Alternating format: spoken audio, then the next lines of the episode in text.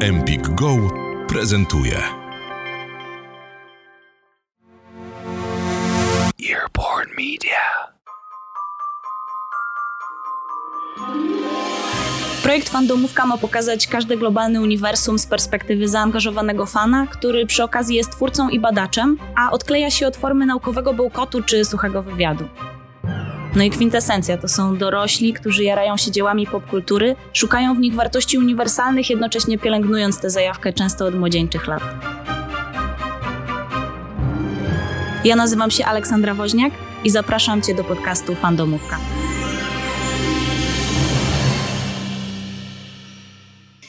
Podobno czarodziej nigdy się nie spóźnia. Nie jest też zbyt wcześnie. Przybywa wtedy, kiedy ma na to ochotę. Bardzo podobnie jest z naszym podcastem, chociaż my akurat mamy stałą datę emisji i przybywamy do Was co czwartek.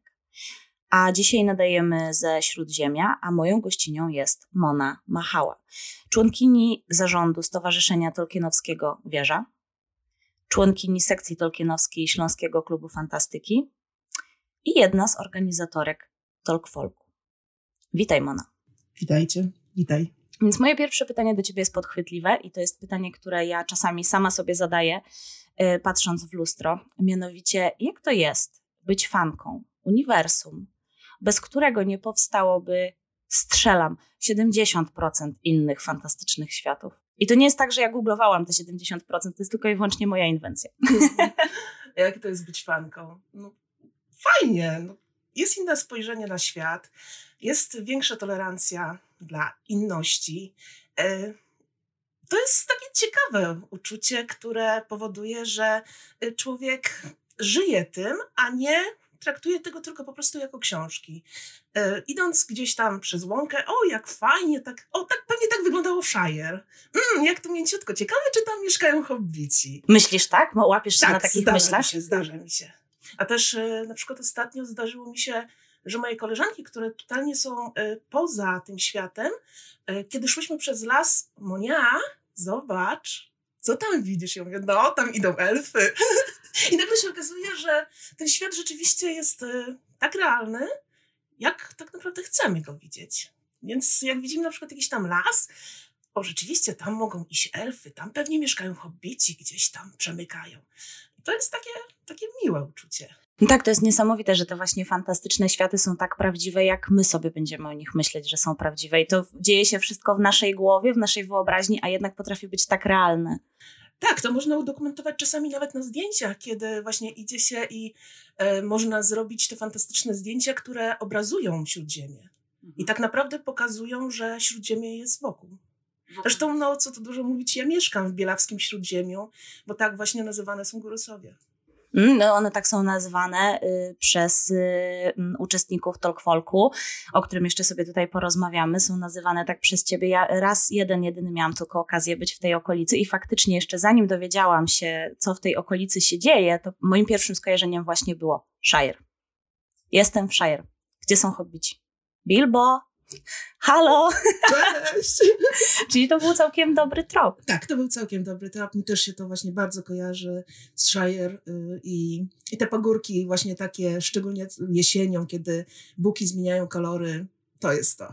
Czy w ogóle mam trochę też takie wrażenie, że ten cały, mm, już tak zmierzając do tego całego fandomu, on jest tak bardzo globalny i na świecie jest mnóstwo takich miejsc, które przypominają nam o Tolkienie, o jego twórczości i z łatwością można znaleźć te miejsca nie tylko na przykład na Islandii, tam gdzie część zdjęć powstawała na przykład do filmu, ale też no, mnóstwo innych lokacji i mnóstwo fanów rozsianych po całym świecie. To jest piękne. No, to jest wręcz cudowne, że akurat książki Tolkiena są tak popularne i, i że cały czas y, mają swoich fanów, mimo że no jednak powstały bardzo wiele lat temu. Filmy też już w zasadzie się opatrzyły i, i są w jakiś sposób tam trochę zapomniane przez y, niefanów, a jednocześnie cały czas to żyje w ludziach. Tak, ten fandom jest w ogóle bardzo, mam takie wrażenie, że ten fandom jest y, bardzo aktywny. No chociażby dobrze świadczy o tym to, że wciąż obchodzimy takie święta jak Światowy Dzień Czytania Tolkiena albo Światowy Dzień Hobbita. Wiem, że są takie osoby, które obchodzą Dzień Durina na przykład, bo to jest dla nich super ważne święto. I to jest, nie wiem, czy masz takie samo wrażenie, że ten fandom nieustannie się rozwija, mimo że te dzieła y, oryginalne, na których bazujemy, robiąc filmy, tworząc fanfiction i inne, i inne rzeczy są już dość leciwe. Tak, tak, y, cały czas się rozwija, no chociażby ze względu na to, że na konwentach wszelkiego rodzaju pojawiają się wioski tolkienowskie, tak jak na Pyrkonie, mhm. czy y, jakieś inne wydarzenia tolkienowskie. No nie jest to świat zapomniany nie jest to świat zapomniany i mam w ogóle takie wrażenie, że najwięcej osób, które znam, a które lubią fantazy w ogóle, to jakby ten Tolkien to jest dla nich taki must have, a dopiero obok często jest jakiś inny świat, który bardzo często z tym Tolkienem też im się kojarzy. Tak, ponieważ y, świat Tolkiena to jest świat doskonały. Profesor jednak tak się postarał, że utworzył nie dość, że y, odrębny świat, to utworzył jeszcze jego historię od momentu powstania, mhm. y, utworzył języki, które są na tym świecie i to jest po prostu, to jest kompletne dzieło. To jest tak, coś tak wspaniałego, że to sobie nawet ciężko wyobrazić, jak to zostało stworzone. No właśnie, tych języków jest bardzo dużo i nawet można się ich uczyć. To nie są języki takie jak łacina, które w zasadzie są językami martwymi, tylko wiem, że naprawdę elfickiego można się nauczyć, można się nim posługiwać. Oczywiście. A ty umiesz coś powiedzieć po elficku? Nie, nie, nie. nie. A to musi być Zdecydowanie nie jestem poliglotką. Kiedyś się tym zajmowałam, no w tej chwili no niestety czas mi troszeczkę nie pozwala na takie rzeczy. A jakie jeszcze języki oprócz elfickiego y, w tej chwili są takimi, których można się nauczyć? Ja myślę, że elficki w tej chwili to jest. Wiedzie prym. To, tak, to wiedzie prym, ponieważ y, ten język był opisany y, najbardziej doskonale. Mhm najwięcej jest. Wszelkie, wszelkie czarne mowy i tak dalej, no jednak nie zostały przez profesora tak dobrze opisane, żeby można było y, uczyć się gramatyki, składni, liter. A, czyli to jest kwestia tego, że nie mamy po prostu dostępu do tych informacji. Z tego co wiem, nie mamy.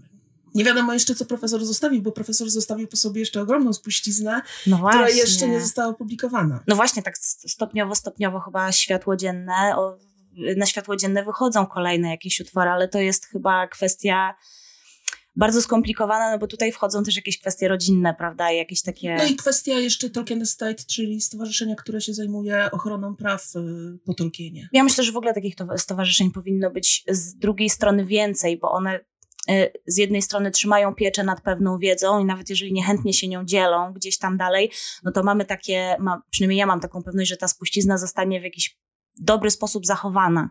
Myślę, że tak. Jest sporo ludzi, którzy zajmują się tym. Jednak no, nie są to dane publikowane tak y, ogólnie, ponieważ, no, co tu dużo mówić, dla laika to by było nudne. Bo to już są tak skomplikowane rzeczy, że tego się nie da czytać normalnie. A właśnie, bo widzisz, ja mam takie wrażenie, y, że jak myślę sobie fan Tolkiena, to pierwsze, co mi przychodzi do głowy, to taki Tolkienista, który po prostu bardzo dużo wie. To mi się kojarzy z, mi się kojarzy z wiedzą, z konkursami wiedzowymi, z takim. Mm, po prostu mam chyba kilku takich znajomych w, na, w, w, w, najbliższym gronie, ale zastanawiam się, czy można w takim razie być fanem Tolkiena bez tego zaplecza całej wiedzy, na przykład obejrzeć tylko film i nazwać się fanem Tolkiena? Można. Można. Y no ja jestem też tego przykładem, bo mhm. ja nie mam jakiejś tam wybitnej wiedzy tolkienowskiej. A na pewno masz większą niż ja. znaczy przeczytałam książki, no to wiadomo, ale ja nie zgłębiam tego jak w jakiś sposób naukowy. Mhm. Y, mam znajomych przyjaciół, którzy zajmują się y, mhm. w, właśnie w sposób naukowy dziełami profesora. We mnie po prostu śródziemie jest. Mhm. Ja potrafię spojrzeć inaczej na świat, zobaczyć to, ale nie będę tego przekładać w sposób jakiś i rozważać w sposób naukowy, rozważać nad tym. Ja po prostu to czuję jakby żyjesz w tym tak, świecie. Tak, ja, ja tym żyję. Ja nazywam swój dom norką. O. I to nie jest tak. I to jest zupełnie, że, że idę do norki, to jest po prostu dla mnie zupełnie naturalne. Mimo, że mieszkam na trzecim piętrze. A widzisz, to jest taka norka na trzecim piętrze. ale świetne jest też to, że w sumie y, jesteś taka skromna, ale z drugiej strony masz duży wkład w rozwój tego, y, jakby świadomości tego uniwersum w Polsce. Staram się. Dobrze ci wychodzi. Wysłuchałeś fragmentu odcinka podcastu Empik Go. Słuchaj całości w aplikacji Empik Go. Pobierz aplikację i zarejestruj się już teraz.